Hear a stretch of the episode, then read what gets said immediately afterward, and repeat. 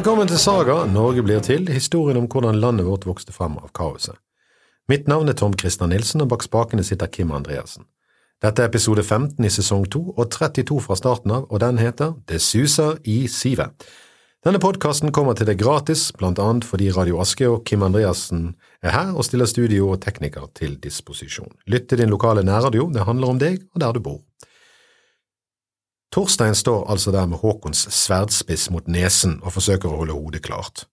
Hva er dette for slags kryp som kommer her og truer med sverd, og tydeligvis vil den stakkars jenten og sønnen hennes ille? Vi snakker altså om Astrid og sønnen Olav, som nettopp har flyktet fra Torsteins gård.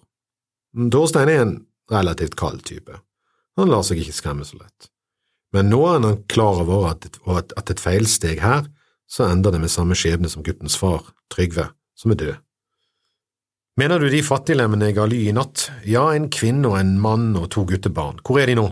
Nei, de dro i går natt, de var borte da jeg våknet i morges. Så du hvor de dro? Nja, jeg tror jeg har en anelse, de dro den veien, tror jeg, sa Torstein og pekte. Den veien, ja, den veien. Håkon snur hesten. Du blir med. Jaha, sa Torstein. Du har gjerne lyst til å følge med oss og leite etter de, for du kjenner jo alle veier og gjemsler her i skogen. For jeg vil og må finne de, sier Håkon. Hva nå, skal Torstein vise de ut til den øyen hvor de har gjemt seg? Tja, Torstein blir med som kjentmann, og fører de fullstendig på villspor. Han ber de løte nøye alle gjemsler, for det kan jo hende de gjemmer seg godt, disse her folkene, når de hører forfølgerne. Ja, og så må dere spre dere godt ut, for det er et stort område, og det gjør de. Ikke lenge etter så hører de barnegråt. De spisser øret og løper i retning av lyden alle sammen, og i et lite skjul finner de et lite barn. Torstein kommer sist til. Han kaster et blikk på barnet. Nei, nå har vi blitt lurt, alle kan jo se at dette ikke er et edelt kongebarn, men heller et stygt og ufyselig trellebarn. Den mannen som har gjemt det, har narret grovt. For Gunhild greie på dette vil hun nok gjengjelde det grusomt. Hvordan kan Torstein vite at dette er trellebarn? Ja, så godt hadde manngarden spredt seg at Torstein så sitt stikk til å løpe ned til en trellkvinne på gården og låne hennes barn. Det er Torstein som har gjemt dette barnet i et skjul. Torstein lykkes med sitt narrespill. Håkon tenker at nå, nå, er Astrid Olav over alle hauger, han aner ikke hvor han skal leite eller hvor han skal gå, det er jo bare trær og trær og skau og skau, så langt øye og tanke kan rekke. Han ser altså at mennene nå er ganske lei av å leke gjemsel ute i skogen. Han samler stroppene sammen og setter atter en gang kursen hjem til Gunhild. Mens alt dette skjer, ligger Astrid, Olav, Torolf og Torgils skjult i sivet. De hører leitingen på avstand. De er redde, de kan høre stemmer, de kan høre hester, og de kan til og med høre den barnegråten som etter hvert kommer. Og mange ganger så vil Astrid bare løpe av gårde og komme seg vekk, men Torolf får henne til å ligge. Dagen blir til kveld, og kvelden blir til natt. Plutselig hører de lyder i sivet, noen et eller annet vasser i vannet. Astrid trekker redd Olav inntil seg, og Torolf trekker sverdet og løfter det til hugg. Det er nesten så det går galt og han hugger til, men i siste øyeblikk skjønner de at det er Torstein. Torstein har med seg mat og niste og, og kjentmann, Los, som kjenner alle veiene øst til Svitjod. Slik redder Torstein Olav Tryggvason og moren, nå tar de ikke flere pauser, de stanser ikke på noen gårder, de stanser ikke før de i det hele tatt, før de er fremme i Svitjod hos Håkon Gamle. Denne Håkon Gamle har hørt rykter, men han kjenner ikke igjen de fattiglemmene som nå kommer inn på gården hans. Han undrer på hva dette er for slags folk. Det er ikke de første som flytter østover etter Eirikssønnenes herjinger, men det er noe kjent med han ene der. Torolf! Gamle ørn, din Jotun! Er det virkelig deg, min gamle vikingkompis? Hvem, og hvem er dette her?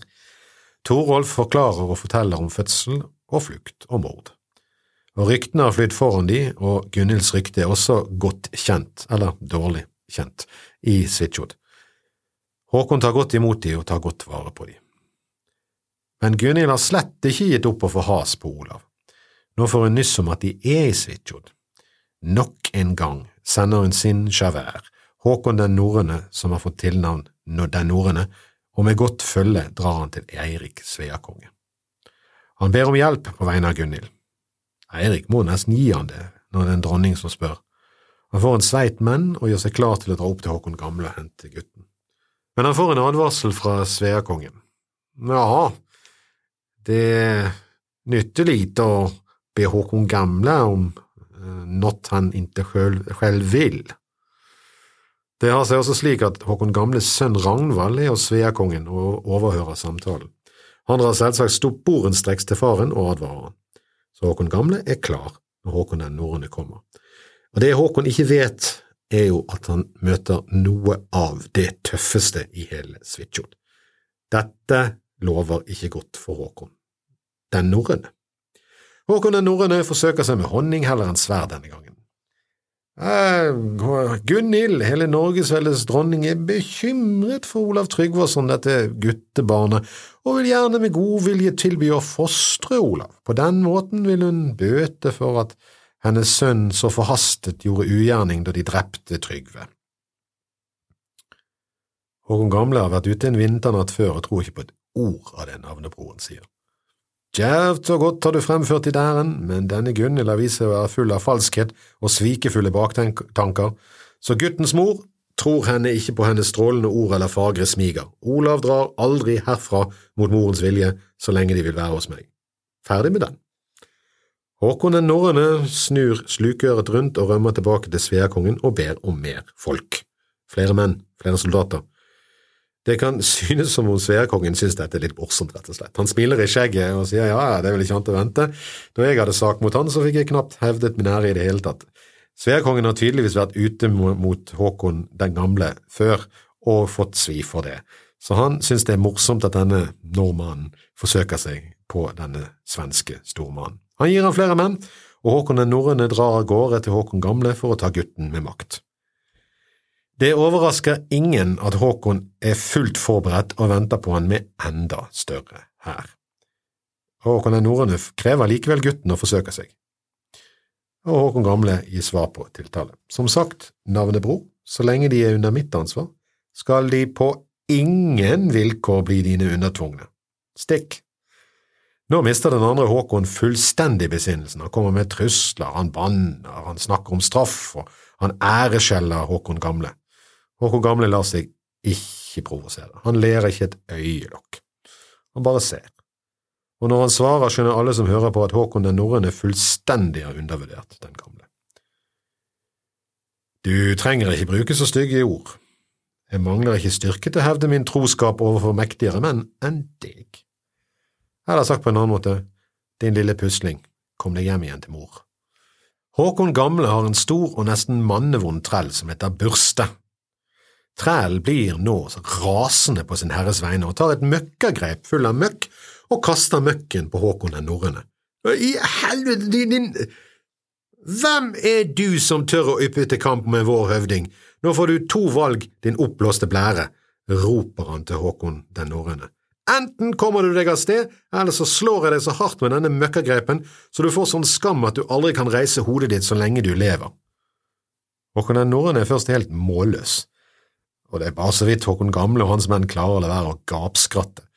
Håkon den norrønes menn føler seg relativt ille til mote, og den svære og ville træl skremmer disse svenskene og nordmennene litt. Det blir litt mumling i flokken. De syns nok ikke noe særlig om dette oppdraget, og det er heller ingen planer om å dø for en eller annen nordmanns jakt på et eller annet guttebarn, og ikke har de lyst til å gjøre seg til Håkon Gamles fiende heller. Med ansiktet fullt av møkk må Håkon den norrøne gjøre vennereis. Det sies at Gunhild synes ille om ferden deres når de kommer hjem og får fortalt hva som har skjedd. Vel, vel. Med full av møkk i trynet så er det kanskje ikke rart at den synes ille om det. Nå gir egentlig Gunhild opp dette prosjektet. Håkon Gamle har satt hele Norge på plass. Samtidig skjer det noe merkelig øst i Holmgard, eller i Gardarike, eller Novgorod som det heter i dag. Flukten fra Israel… Nei, Norge har lykkes. Kong Valdemar Gardakonge har en gammel mor. Det er skikken at hver jul blir den gamle og skrøpelige kvinnen båret inn til gilde. Hun er nemlig synsk, og nå skal hun fortelle om det er noen farer som lurer for riket det neste året. Dette året, som alle år, venter flokken i spenning og litt uro. Kong Valdemar spør moren om hun ser noen farer for riket. Nei, min sønn, men jeg ser et merkelig og storslått syn for nå er det for kort tid siden i Norge født en storættet kongesønn. Han vil vokse opp og bli fostret her i Garderriket til han blir en vidgjeten høvding. Han vil omsider vende tilbake igjen til Norge når han er i sin beste alder, og få det riket han er båren til, enda om han er i utlegg fra det. Hans heder kommer til å stråle med stor verdighet, og han vil vinne mange seire og bli den høyeste hjelper for mange. De vietne konger vil likevel ikke bli lenge ved makten i Norge. Vokse opp i Garderriket, men Olav er jo i trygghet i Svitjod hos Håkon Gamle. Vel, Astrid har en bror, altså moren har en bror, som, og han er onkelen til Olav, som hun får høre er i Garderriket. Om det er savnet etter broren eller en følelse av å ha utnyttet Håkon Gamles gjestfrihet lenge nok, vet vi ikke, men hun får det av en eller annen grunn for seg at hun vil dra til sin bror, bror i Gardarike. Kanskje det er også det at broren er hos den vidhetende kong Valdemar og nyter stor heder der, som gjør at hun vil dra. Så når hun nå har vært to vintre hos Håkon og Olav er tre år, da finner hun ut at nå er det på tide å dra derifra. Håkon er snill som vanlig og utstyrer henne godt, og gir henne et følge av kjøpmenn. Med også den trofaste Torolf, hennes venn i flukten, og sønnen hans Torgils. Kanskje skulle gamle heller ha gitt henne en annen type menn, for dette skal vise seg å være Astrids dårligste valg i livet. De drar av sted østover, i skip. Men utenfor Estland får de øye på et skip som følger etter dem. Det viser, være, viser seg å være estiske sjørøvere, eller estiske vikinger. Det er vel første og eneste gangen vi hører om estiske vikinger, men det er det det er. Skipet som Astrid, Olav, Torolf og Torgild seiler med, forsøker å seile fra vikingene, men de klarer det ikke. Straks etter bores de av vestlenderne. Kjøpmenn Håkon Gamle har sendt med de, er ikke noen stor hjelp eller hindring for piratene. Noen setter seg til motverge, og de blir drept. Esterne deler byttet mellom seg. Byttet i denne sammenheng er også menneskene om bord. De skal selges som slaver. En av angriperne heter Klerkon, og han får Olav, Torolf og Torgils. En annen mann tar Astrid. Og dermed skilles Olav og moren. Klerkon synes ikke at gamle Torolf er noe å samle på, så han dreper han rett og slett. De små guttene ser forferdet på, Torgils ser faren bli hugget ned og fryser til. Olav på tre skjønner ikke hvorfor han ikke får gå til mamma og roper sårt etter henne, men ingen bønn. Esterne skjønner ikke engang hva de sier. Esterne seiler inn til de estiske områdene i Østersjøen. Klerkon har tenkt å få betalt for de to guttene, han har ikke tenkt å beholde de. På veien så blir han tilbudt en god geitebukk, og han slår til. En mann som heter Klerk, kjøper altså to gutter for en geit. Mye like navn her, men Klerkon selger altså til Klerk, og prisen for to gutteliv er som sagt en geit. Olav prøver å spørre om han nå kan få dra til mamma, men Klerk skjønner ikke hva han sier. Men Olav har i alle fall Torgils, og de to guttene klynger seg til hverandre. Klerk er også handelsmann. Litt seinere møter han en annen mann, Reas. Reas syns Klerk har to flotte gutter, så han tilbyr en kappe og en reinkappe for dem, og Klerk slår til. To kapper for to gutter. Det er mulig at denne Reas har en mistanke om hvem Olav er, for nå får de to guttene svært forskjellig behandling. Kanskje det er like mye fordi Torgils er større og kan settes i arbeid med en gang, men Olav blir mer som en sønn i huset og Torgils som en trell. Hvordan skal dette gå? Nå er Olav solgt som trell i Estland, og veien hjem synes veldig, veldig lang. Hvordan går det nå med Astrid som ingen vet hvor er? Det får vi høre om i neste episode, for det var det for denne gang, og i denne episoden i Saga Norge blir til, historien om hvordan landet vårt vokste fram av kaoset. Dette var episode 32, Det suser i sivet, og mitt navn er fortsatt Tom Christer Nilsen, og bak spakene sitter som vanlig Kim Andreassen. Du kan sende spørsmål eller kommentarer til tom.christer.gmail.com.